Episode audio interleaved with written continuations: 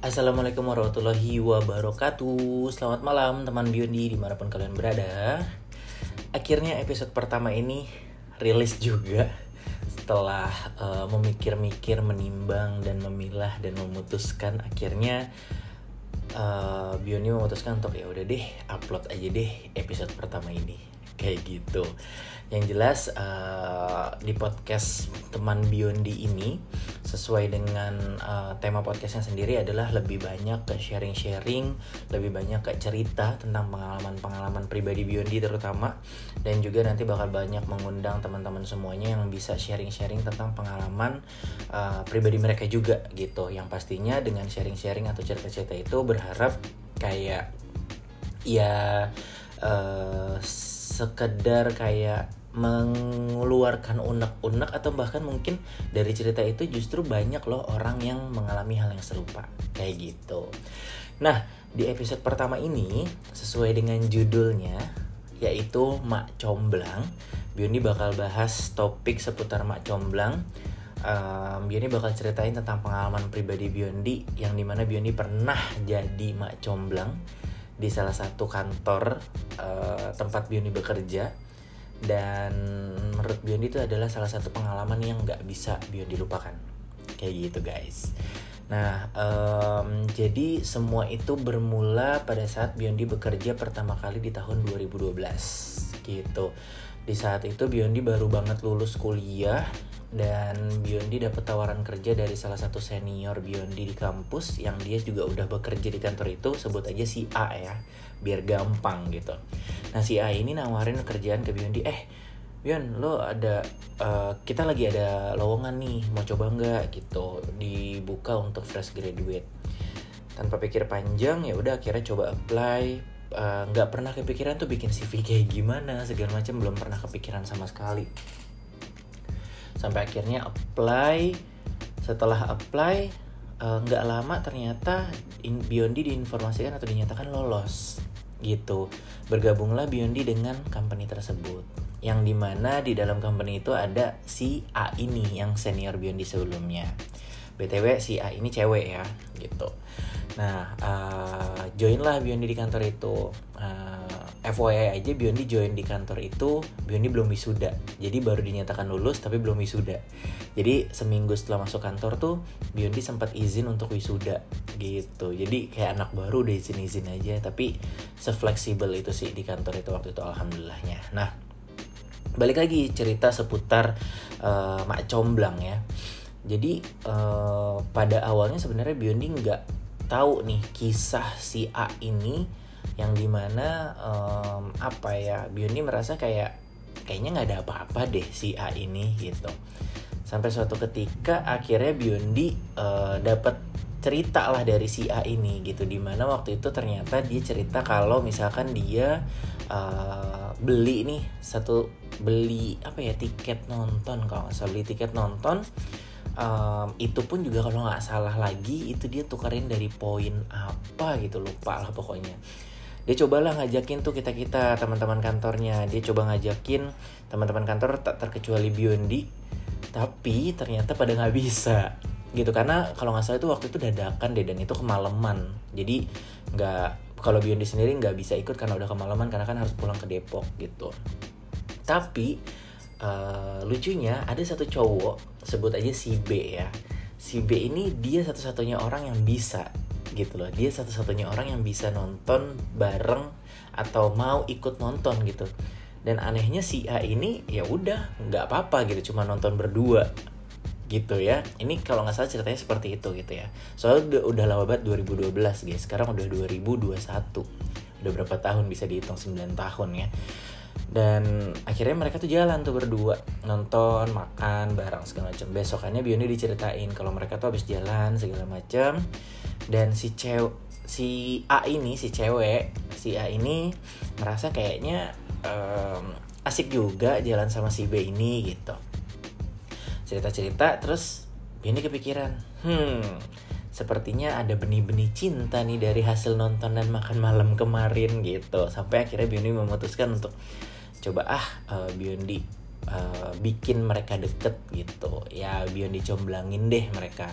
Karena uh, yang Biondi tahu si A itu jomblo. Nah inilah makanya saatnya Biondi untuk nyomblangin di mana Biondi nyari tahu si B apakah jomblo juga atau lagi deket sama siapa segala macem. Nah semenjak saat itu Biondi coba cari-cari informasi tentang si B ini yang cowoknya gitu kebetulan Biondi sama si B ini juga lumayan deket uh, karena dari awal Biondi join masuk di kantor tersebut Biondi tandemnya sama si B ini gitu karena dia senior kan. Uh, terus uh, cari tahu lah cari tahu apa namanya informasi tentang si B ini. Setiap dapat informasi dari uh, tentang si B dari si B-nya langsung Biondi ceritain tuh ke si A gitu. Begitupun juga tentang cerita si A cerita tentang si B misalkan Biondi ceritain juga ke si B kayak gitu. Jadi kayak Biondi tuh kayak penghubung kayak jembatan mereka gitu. Uh, akhirnya mereka mulai deket makin deket gitu PDKT-an terus uh, sering jalan bareng dan jalan barengnya ini pun juga unik. Jalan barengnya tuh maunya sama Biondi bertiga gitu. Jadi ini belum pacaran ya baru PDKT-an aja. Jalan barengnya tuh maunya bertiga terus. Jadi setiap mau jalan pasti ngajaknya Biondi. Nonton maunya bertiga gitu loh. Jadi kayak ya kayak apa ya ngintilin mereka aja berdua gitu. Dan anehnya di situ Biondi tuh seneng-seneng aja. Aneh gak sih guys? Kan ada orang yang kayak duh males banget gue jadi nyamuk segala macam tapi Biondi tuh saat itu tuh nggak kepikiran kayak gitu loh to be yang ada malah seneng malah ya udah gitu jalanin aja gitu ketika melihat uh, mereka jalan berdua gitu kan iseng-iseng Biondi suka fotoin mereka berdua kayak gitu. Kayak seneng aja gitu ada kesenangan sendiri ngelihat ih seneng deh teman gue uh, ketemu sama uh, yang kayaknya orangnya sama sama-sama mereka saling suka gitu. Kayak gitu. Terus uh, sering berjalan waktu mereka makin deket makin deket akhirnya um, apa ya mulailah uh, makin timbul perasaan-perasaan kuat gitu antara mereka berdua gitu ya. Dari sering jalan bareng tadi gitu kayak setiap pulang kerja nih pasti ada aja gitu alasan untuk bisa jalan bareng. Yang alasannya nemenin Biondi gitu minta temenin inilah segala macam. Even sekedar makan es krim KFC di kampus eh di kampus lagi di samping eh, kantor itu kayak ya udah ngobrol aja bertiga gitu um, uniknya lagi adalah ketika setiap mereka mau jalan itu kan mereka pasti selalu bawa motor masing-masing tuh. Biondi naik bis dulu kerjanya. Nah uniknya kalau kita pergi ke mall-mall dulu tuh pasti Biondi yang bawain motor ceweknya. Dan si ceweknya dibonceng sama si cowoknya itu. Si si B ngeboncengin si A. Nah Biondi bawa si motor si A. Jadi kalau lagi di jalan nih sendirian aja Biondi bawa motor tuh di belakang mereka. Sedangkan melihat mereka dengan keuuan mereka naik motor bersama. Mm. Rasanya ah mantap. Gading. Tapi bener deh, rasanya tuh kayak ya udah aja gitu kayak seneng aja gitu nggak ada yang ngerasa iri dengki kayak apa sih lu lebay banget nggak ada sama sekali waktu itu dan akhirnya si cowok ini mungkin udah ngerasa gemes juga udah lumayan lama PDKT-annya sampai akhirnya memutuskan untuk gue mau tembak ah gitu kan. Biondi lupa apakah Biondi tahu uh, dia nembak atau enggak tapi kayaknya sih dia cerita dia mau nembak gitu. Sampai akhirnya mereka ne uh, si si B ini nembak si A dan akhirnya diterima sama si A. Dan di situ Biondi seneng banget karena uh, kayak apa ya kayak bonus cair gitu loh kayak dapat hadiah uh, uang kaget gitu. Dan apa ya sempat ngerasa kayak wah kalau udah jadian udahlah udah udah berhenti nih tugas gue ya. Udahlah nggak bisa jalan bareng lagi sama mereka berdua nih segala macam. Tapi pada kenyataannya ternyata tidak. Bioni masih tetap diajakin bareng jalan bareng sama mereka nonton pokoknya tetap aja gitu kayak senormalnya kayak sebiasanya kita jalan bareng bertiga gitu. Kecuali mungkin kalau pas weekend mereka masih suka jalan bareng gitu. Tapi kayaknya jarang deh dulu mereka jalan bareng berdua gitu. Terus singkat cerita uh, sering berjalan waktu juga Biondi uh, udah tuh kan dia jadian tuh mereka berdua jadian Biondi ya udah kerja seperti biasa ngobrol seperti biasa segala macam setiap hari ngeliat keuangan mereka tiap hari juga kayak nganterin si si A pulang gitu si B nganterin si A pulang Biondi bawa motor si A. Terus Biondi nebeng sama si B nungguin bis di mana gitu di pinggir jalan. Kayak gitu deh pokoknya ceritanya inget banget bahkan sampai kayak nonton pernah sampai jam 10 selesainya setengah 11 itu bis terakhir masih ada apa enggak? Itu kekhawatiran yang selalu dialami sama Biondi dulu. Tapi balik lagi senang-senang aja ngejalaninnya. Setelah setelah mereka jadian itu ya udah akhirnya kerja seperti biasa sampai akhirnya tiba di saatnya Biondi memutuskan untuk resign. Resignnya bukan karena mereka udah jadian ya bukan. Tapi memang pengen resign waktu itu pengen resign karena memutuskan untuk pengen cari pekerjaan baru gitu. Karena kebetulan juga ini kan pekerjaan pertama Biondi dan merasa kayak pengen cari pengalaman baru ah di luar gitu. Akhirnya resign di hari terakhir resign tuh uh, rasa-rasanya kayak waktu tuh berjalan cepet banget. Sampai akhirnya uh, di uh, tutup kantor jam tutup kantor kita pada kumpul semua tuh. Semua uh, teman-teman Biondi yang di kantor kakak-kakak dan mas-mas di kantor tuh kayak kita semua pada nangis pada sedih banget kayak bukan sedih uh, Biondi resign enggak ya sedih aja gitu. Jadi kayak kehilangan sosok adik yang nggak bisa dibully lagi nggak bisa dimarah-marahin lagi. Karena dulu tuh Biondi bontot dulu. Waktu di kantor itu tuh Biondi jadi anak bontot. Sebelum ada masuk akhirnya satu teman Biondi yang join lah ibaratnya. Tapi tetap um, apa namanya sampai akhir pun Biondi tetap dianggapnya sebagai anak bontot waktu itu uh, akhirnya resign uh, dan ya jujur yang paling sedih memang si uh, A ini yang si cewek ini gitu. Karena dia yang ngajakin Biondi join di kantor itu tapi Biondi duluan yang resign. Sedangkan dia enggak gitu kan. Dia paling sedih banget gitu sampai uh, ya bener-bener nggak bisa lupain deh momen Biondi resign di kantor pertama itu. Bener-bener kayak punya keluarga kedua Biondi di kantor itu bener-bener yang pas kerja pertama kali itu gitu. Karena nggak ngerasain yang namanya senioritas nggak ngerasain yang namanya kayak masing-masing mikirnya enggak tapi bener-bener kayak keluarga aja kayak abang kayak adik kayak kakak segala macam itu bener-bener kayak wah top banget deh pekerjaan pertama itu balik lagi ke cerita si A dan si B ini uh, Biondi resign akhirnya Biondi dapat pekerjaan baru kita masih keep kontak gitu. Tapi keep kontaknya nggak seintens uh, waktu masih satu kantor ya. Tapi masih keep kontak gitu masih masih chatan segala macam karena kan udah beda kantor. Bahkan sampai kayak uh, dulu masih sering kayak ngikut sih kan uh, si B ini si cowoknya itu kan orang Bandung aslinya. Sampai setiap jalan-jalan ke Bandung pasti Biondi ngintilin mereka bertiga aja gitu nggak tahu kenapa dan kayak mau aja gitu ngikut ke Bandung nginep kayak gitu. Jadi ngerasa kayak adik Bion ini adiknya yang diajak main jalan-jalan sama kakak sama abangnya kayak gitu. Sampai uh, kayak gitu terus kita masih kayak gitu terus sampai akhirnya Biondi uh, apa namanya mulai sering tuh pindah-pindah kantor karena orangnya kutu loncat gitu ya sampai akhirnya kita mulai kayak nggak terlalu intens catatannya sekedar kayak biasa-biasa aja bercanda-bercanda gitu kan. Sampai suatu ketika dapat kabar kalau mereka mau menikah.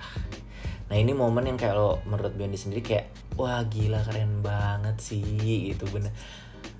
Kan ada ya kadang kayak yang macomblang tuh berhasil untuk bikin jadi pacar aja tapi belum tentu mereka bisa berhasil sampai bikin pasangan yang dicomblangin mereka itu sampai nikah gitu. Makanya saat itu kayak ngerasa kayak ih ayo ayo ayo kapan nikahnya? segala macam bla bla bla. Malah Bioni excited gitu. Karena ya nggak tahu kenapa kayak seneng aja. Sampai akhirnya tiba di hari pernikahan mereka sayangnya Bioni datangnya terlambat gitu. Jadi nggak ngikutin prosesnya dari awal. Karena waktu itu kalau nggak salah lagi apa dan jemput temen untuk bareng ke kondangannya sampai nyasar juga terus datang tuh udah bubar acaranya tapi untungnya si mereka berdua ini masih ada di situ. Dan melihat mereka yang kayak seneng banget didatengin sama Biondi asik kayak kedatangan superstar. Enggak deh bercanda. Tapi emang bener-bener kayak kelihatan banget wajah seneng mereka bahagia mereka yang akhirnya kayak ya mungkin itu yang mereka nanti nantikan gitu loh. Selama hidup mereka kayak ya kita nggak munafik sebagai manusia kan kita butuh pasangan hidup ya nggak sih pasangan hidup ya bukan cuma sekedar pacar tapi lebih ke pasangan hidup. Yang ketika kita menikah kita memikirkan bahwa setiap hari kita bakal ketemu dia nih. Yang dulunya cuma ketemunya by telepon atau by chat atau ketemunya seminggu tiga kali doang kayak gitu. Tapi ini bakal jadi orang yang bakal lebih sering ketemu sama kita gitu. Di situ kayak kerasa banget bahagianya mereka berdua. Dan apa ya dan dari situ Biondi berpikir bahwa jadi macomblang itu sebenarnya menyenangkan loh guys gitu. Kenapa menyenangkan? Karena pahala itu banyak pahala itu besar. Apalagi kalau kalian sampai bikin orang yang kalian comblangin itu sampai nikah ya nggak sih? Setuju nggak? Kalau kalau dari kalian sendiri bener nggak sih macomblang itu pahalanya itu banyak ya nggak? Um, tapi uh, intermezzo sedikit. Sebenarnya Biondi nyomblangin tuh nggak cuman satu tapi dua pasangan. Tapi yang pasangan kedua ini nggak seintens atau nggak sedip pasangan yang pertama gitu. Karena yang kedua ini pun juga mereka anak baru sama-sama anak baru. Dan Biondi dekatnya pun juga setelah uh, bukan setelah Biondi dekatnya tuh kayak udah mau akhir-akhir Biondi mau resign. Jadi nggak terlalu yang gimana-gimana. Jadi kayak sempat ngedeketin mereka doang udah habis itu Biondi resign gitu. Jadi nggak tahu lagi selebihnya urusan mereka berdua. Kalau yang sekarang kan eh kalau yang sekarang kalau yang sebelumnya kan uh, benar-benar kayak dari awal sampai mereka jadian tuh Biondi tahu gitu loh gitu. Jadi setelah mereka menikah tuh kayak ya udah gitu. Yes Biondi sudah berhasil menyatukan dua insan manusia. Asik lebay banget ya. Menyatukan dua orang yang sebelumnya mereka mungkin nggak terfikirkan kalau ternyata tuh mereka jodohnya gitu satu sama lain. Dan alhamdulillahnya sampai detik ini Biondi masih keep kontak sama mereka masih jaga komunikasi silaturahmi gitu. Dulu tuh inget banget suka main ke rumah si A si cewek ini apalagi kalau pas lagi musim banjir rumah dia tuh hobi banjir gitu guys. Jadi dulu tuh hobi banget Biondi tuh diundang ke rumahnya pas lagi banjir.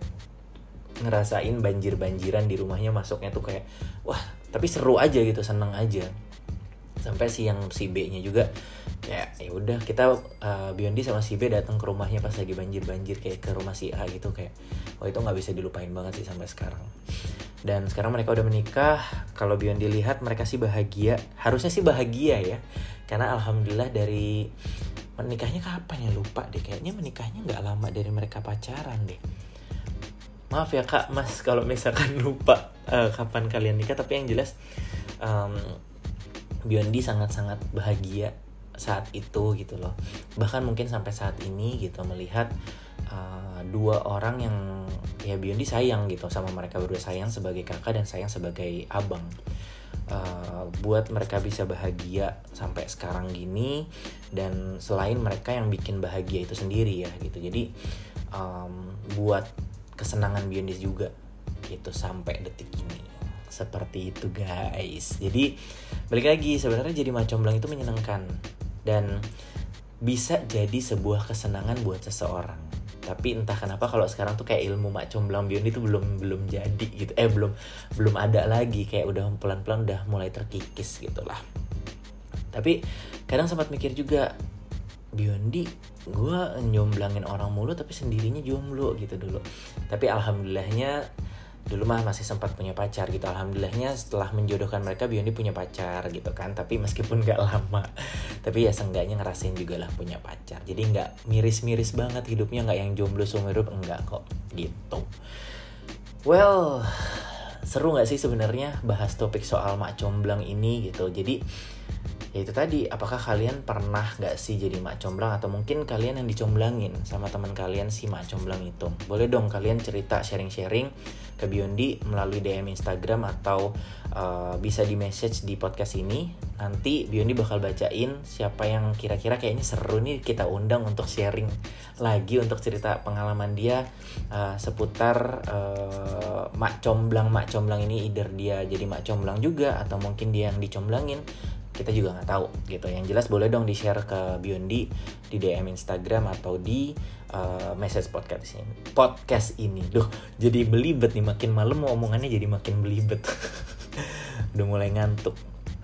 Um, kayaknya pembahasan seputar mak comblang udah cukup ya gitu. Itu sedikit cerita banyak sih sebenarnya ceritanya ya. Uh, sedikit cerita dari Biondi yang uh, Biondi ceritain tentang pengalaman pribadi Biondi jadi seorang mak comblang yang sesungguhnya jadi mak comblang itu menyenangkan tidak menyedihkan gitu. Karena itu semua balik lagi tergantung dari perspektif kita. Ketika kita nyomblangin orang kita siap nggak melihat keuuan mereka. Kita siap nggak melihat kemesraan mereka di depan mata kita langsung segala macam kayak gitu. Dan pada akhirnya sebenarnya uh, yang namanya mak comblang bukan berarti dia akan jomblo seumur hidup tidak gitu. Karena yang Biondi alamin adalah ketika Biondi mak, jadi mak comblang pun Biondi tetap bisa kok punya pacar gitu. Bukan berarti karena jadi mak comblang Biondi terlalu fokus ngejodoh jodohin orang sampai lupa sama diri sendiri. Enggak. Jadi kalau uh, Biondi boleh berpesan ya coba deh kalian sekali-sekali buat yang belum pernah jadi macomlang coba rasain jadi macomlang mungkin di situ jadi pintu kalian untuk bisa mendapatkan jodoh kalian dan buat yang udah pernah jadi macomlang apakah kalian pengen lagi jadi macomlang atau rasanya kayaknya udah cukup ilmu tentang macomlang gue udah nggak ada gitu. Hmm, waktunya semakin malam, rasanya kita udah harus akhiri podcast pada episode hari ini. Seneng banget bisa sharing dan cerita uh, tentang pengalaman pribadi Biondi tentang uh, pengalaman menjadi seorang mak comblang waktu itu mudah-mudahan uh, bisa menghibur. Ya meskipun agak membosankan mungkinnya bagi sebagian orang dengerin cerita Biondi yang kayak apa sih cerita kayak gini? Tapi ya nggak masalah lah ya. Ini salah satu uh, cara Biondi untuk bisa menghabiskan waktu Biondi dengan sesuatu yang lebih produktif. Asik. Dan buat teman Biondi buat kalian yang um, udah dengerin terima kasih banyak makasih banget udah mau dengerin yang mungkin ada dengerin dari awal sampai akhir. Terima kasih banget uh, udah meluangkan waktu kalian nih untuk dengerin podcast yang ala kadarnya. Kayak gitu. Terima kasih dan buat uh, kalian yang udah dengerin tolong dibantu share ya biar banyak yang lebih banyak lagi yang dengerinnya. Kayak gitu. Sekaligus buat teman Biondi di luar sana yang memang sekiranya kayak pengen request nih kayak eh bahas topik ini dong gitu. Eh undang si ini dong boleh gitu kalau soal undang-undang mungkin uh, mengundang mengundang maksudnya undang-undang udah kayak pancasila. Undang mengundang orang mungkin uh, itu sesuai dengan kemampuan Biondi dulu tapi ya gitu. Tapi kalau misalkan mau bahas suatu topik boleh boleh banget DM di Instagram atau message di podcast ini. Nanti Biondi bacain. Dan insya Allah kalau misalkan memang kayaknya topiknya menarik nih kayaknya seru juga buat dibahas pasti nanti Biondi bakal bikinin podcastnya di episode-episode selanjutnya.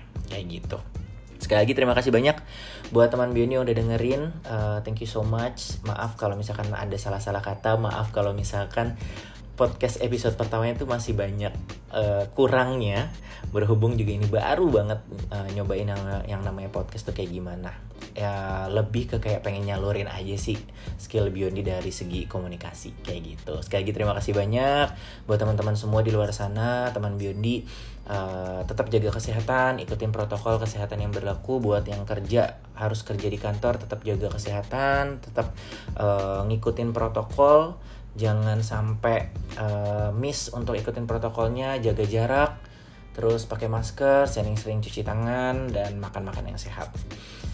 Sekali lagi terima kasih uh, Biondi pamit undur diri. Uh, sekian podcast episode pertama tentang mak comblang hari ini Sampai ketemu lagi di next episode dengan topik-topik yang lainnya. Terima kasih banyak dan stay tune terus di podcast teman Biondi. Sampai ketemu lagi guys. Bye bye.